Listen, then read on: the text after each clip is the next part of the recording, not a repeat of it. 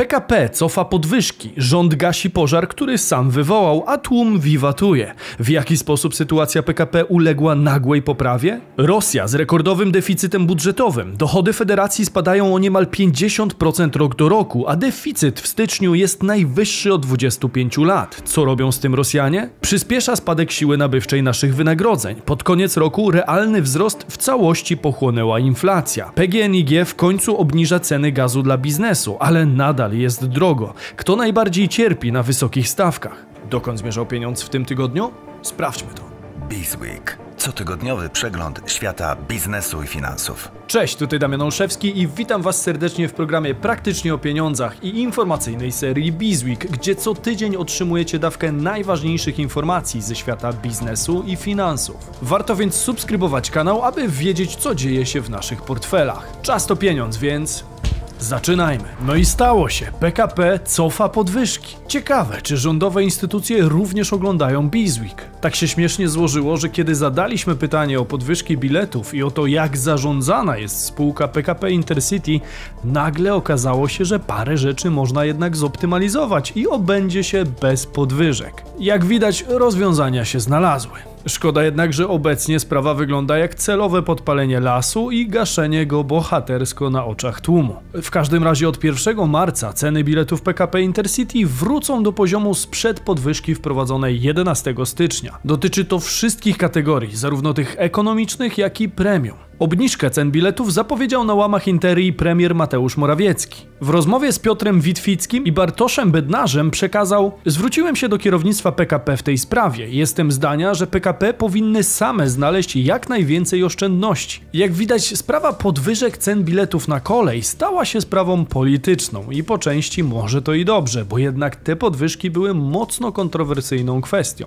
Ostatecznie we wtorek państwowy przewoźnik poinformował, że wprowadzenie niższych cen jest jest możliwe w związku z dodatkowymi działaniami optymalizacyjnymi oraz zwiększeniem rekompensaty dla PKP Intercity na rok 2023 w ramach umowy dotyczącej świadczenia usług publicznych. Zwiększenie rekompensaty w ramach umowy PSC pozwala częściowo złagodzić znaczący wzrost kosztów prowadzenia działalności przez PKP Intercity, wynikający z bardzo dużego wzrostu cen energii elektrycznej, spowodowanego przede wszystkim rosyjską agresją na Ukrainę oraz tzw. Tak Putin inflacją. Zakup energii elektrycznej stanowi największy koszt spółki. Jeszcze w 2019 roku koszt ten wynosił około 500 milionów złotych brutto. W 2023 roku prognozowany koszt energii elektrycznej wyniesie aż 1,5 miliarda brutto, czyli 3 razy więcej, stwierdzono w komunikacie. Innymi słowy, PKP częściowo zoptymalizuje swoje działanie, jednak z drugiej strony zostanie także ponownie mocno dofinansowane.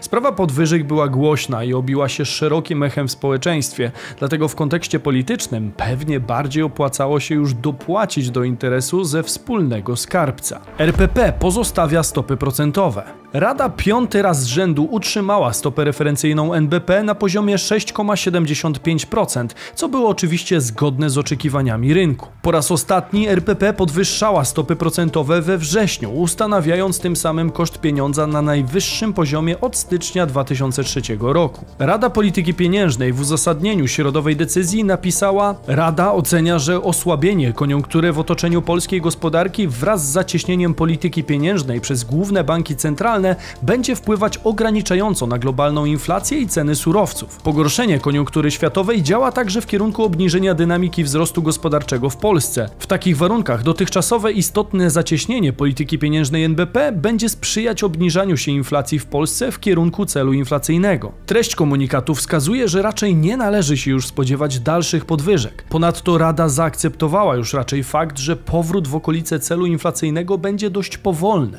Ostatnie prognozy analityków z NBP wskazały, że nastąpi to nie wcześniej niż pod koniec 2025 roku. Osobiście skłaniałbym się ku temu, że ten proces będzie jeszcze dłuższy. Warto zwrócić uwagę, że łączna skala podwyżek stóp procentowych w Polsce była minimalnie mniejsza niż w innych krajach regionu, Czechach i Rumunii, które doszły do poziomu 7%, a także odczuwalnie większa niż w przypadku dużych banków centralnych. W strefie euro główna stopa procentowa doszła zaledwie do 3%, a w Stanach Zjednoczonych ten poziom wynosi 4,75%.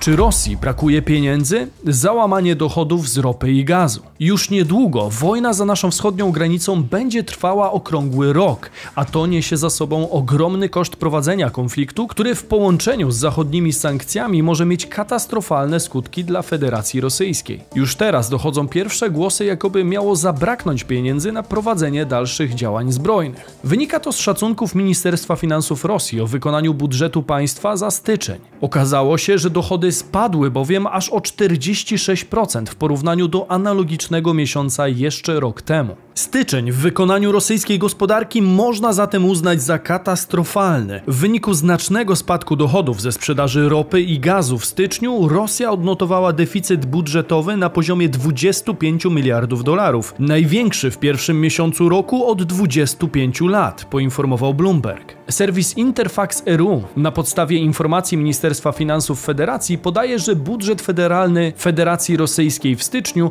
według wstępnych danych został wykonany z deficytem w wysokości 1,776 bilionów rubli, co odpowiada 109 miliardom złotych, czyli był on o 14 razy wyższy niż w styczniu ubiegłego roku kiedy wynosił 125 miliardów rubli, czyli jakieś 6,2 miliarda złotych. Zatem deficyt w styczniu wyniósł jakieś 60% planów na 2023 rok. Rosjanie zakładali 2,925 bilionów rubli na ten cel, czyli jakieś 180 miliardów złotych. Z kolei przychody w styczniu wyniosły 1,356 bilionów rubli, czyli ponad 84 miliardy złotych, co jednocześnie daje nam wynik o 35% niższy rok do roku. Rosja jest państwem surowcowym i to właśnie z tego tytułu uzyskuje duże przychody. Warto wiedzieć, jak kształtują się przychody Rosji z tytułu sprzedaży ropy i gazu. W styczniu wyniosły one 426 miliardów rubli, czyli jakieś 26 miliardów złotych, co oznacza spadek o 46% w porównaniu ze styczniem 2022. Ministerstwo Finansów Rosji usprawiedliwia sytuację w następujący sposób. Wynika to przede wszystkim ze spadku notowań ropy Ural oraz spadku spadku eksportu gazu ziemnego. Federacja rzeczywiście nadal sprzedaje swoje dobra do innych odbiorców, ale robią to po zaniżonych cenach. Pułap cenowy na ropę i inne ograniczenia rosyjskiego eksportu energii mocno uderzyły w rosyjskie dochody. Ropa z tego kraju jest sprzedawana ze znacznym dyskontem w stosunku do cen na szerszym rynku.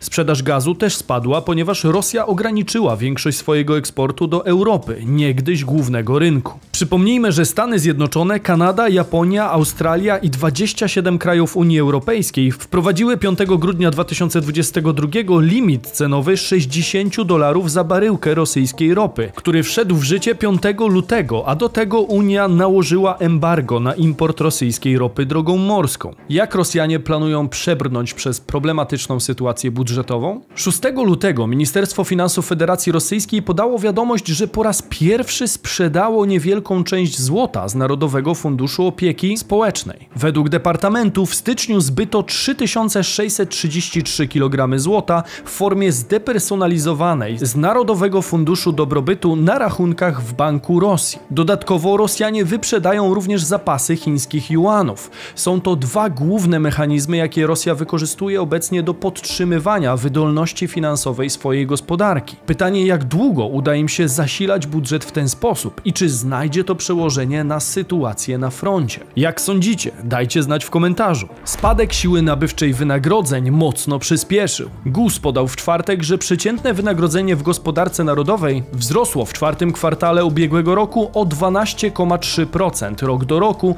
po zwyżce o 14,6% w trzecim kwartale. Wzrost o 12,3% jest całkiem pokaźny, jednakże czy tak naprawdę wpływa dobrze na nasze portfele? Na dłuższą metę raczej nie. Głównym winowajcą jest tutaj oczywiście nie kto inny jak inflacja, która w omawianym okresie przyspieszyła z poziomu 16,3% do 17,3% rocznie. Jak zatem realnie zachowała się wartość naszych portfeli? Jak możecie się domyślać, oznacza to, że spadek siły nabywczej naszych wynagrodzeń mocno przyspieszył i to najbardziej w tym stuleciu. Wynagrodzenia rosną, ale co z tego, jeżeli siła nabywcza tak naprawdę maleje? Jest to dość niebezpieczna sytuacja, która może doprowadzić do spirali płacowo-cenowej, do której której wrócimy sobie za moment. Dodatkowo, jak wskazuje Rzeczpospolita, z perspektywy Rady Polityki Pieniężnej, spadek realnych płac i popytu konsumenckiego to potwierdzenie, że przerwanie cyklu podwyżek stóp procentowych w październiku było właściwą decyzją. Firmy wchodzą w okres niższych marsz, malejących zysków. To przemawia za większą ostrożnością w podwyżkach. Nie spodziewamy się, aby doszło do spirali płacowo-cenowej. Ale wobec dużej podwyżki płacy minimalnej trudno będzie o mocne wyhamowanie wzrostu płac.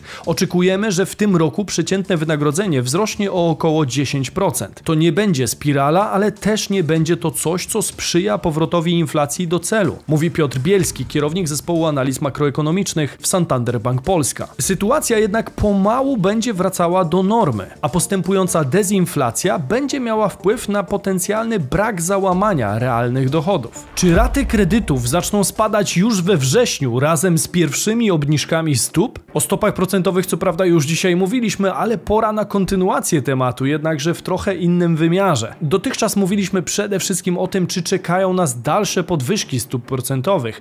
Natomiast jest jeszcze inny aspekt polegający na tym, że być może już niedługo, a mianowicie w tym roku doczekamy się niższych rat z powodu obniżania stóp procentowych. Według PKO BP wynik środowego posiedzenia nie zaskoczył nikogo, biorąc pod uwagę niewiele nowych informacji, które napłynęły od stycznia. Analitycy zwrócili jednak uwagę, że na kolejnym posiedzeniu w marcu RPP może dokonać przeglądu dotychczasowej polityki, dysponując wstępnymi danymi inflacyjnymi za styczeń oraz nową projekcję. Nie powinny one jednak zaburzyć spokoju Rady. Wzrost inflacji na początku roku jest szeroko oczekiwany, a projekcja powinna pokazać nadchodzący proces dezinflacji. Zwrócili zwrócili uwagę. Ponadto analitycy wskazali, że w bieżącym roku będziemy mieli do czynienia z szybką dezinflacją, co będzie czynnikiem stabilizującym. Wspomniana dezinflacja będzie głównie wynikać z uspokojenia sytuacji i cen surowców. Według analityków PKO BP można mówić o obniżeniu inflacji z tego powodu o nawet 3,5 punkta procentowego. Dodatkowo obniżeniu powinna ulec również inflacja bazowa z powodu recesji konsumenckiej. To wszystko razem może spowodować sytuację, w której Rada już we wrześniu będzie mogła zobaczyć pole do obniżek stóp.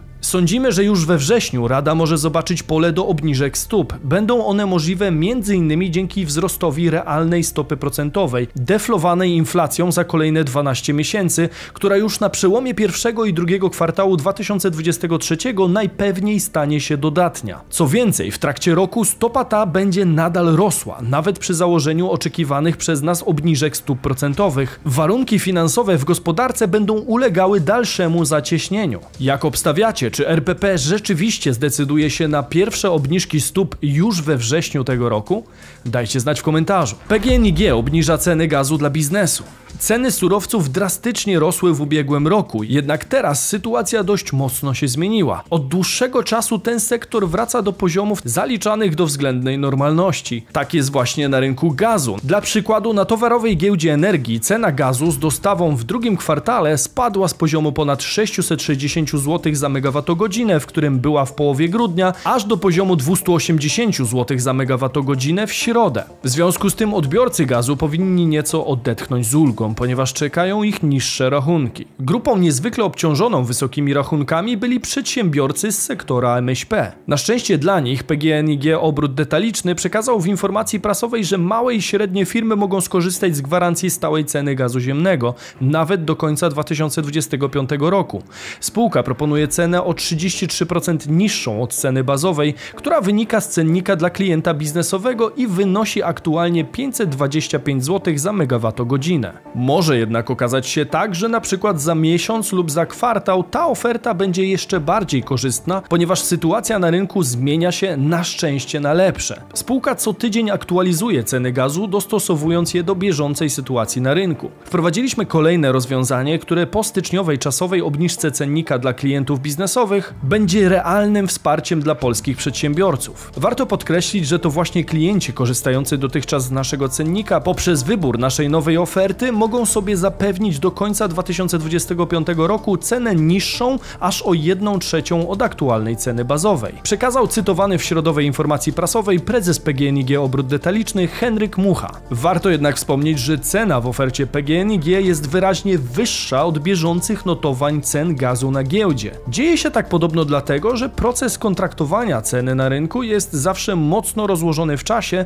i po prostu surowiec, który jest teraz oferowany, został kupiony jakiś czas temu po wyższych stawkach. Sytuacja podobna jak w przypadku rynku paliw, ale można by opisać zdecydowanie więcej jej składowych. Jeśli chcecie, możemy przeanalizować, co dokładnie dzieje się na rynku gazu i jak zachowuje się PGNiG w porównaniu do cen surowca i sytuacji rynkowej. Standardowo dajcie znać w komentarzu odpowiednim hashtagiem. Mówił Damian Olszewski, a to był Bizweek, wasz cotygodniowy przegląd najważniejszych informacji ze świata biznesu i finansów. Warto subskrybować kanał na dole, jeżeli chcecie być na bieżąco z tym, dokąd zmierzał pieniądz. Zostawcie hashtag Bizweek, jeśli nadal doceniacie naszą pracę, a my widzimy się jak zwykle w sobotę i niedzielę o 15. Cześć!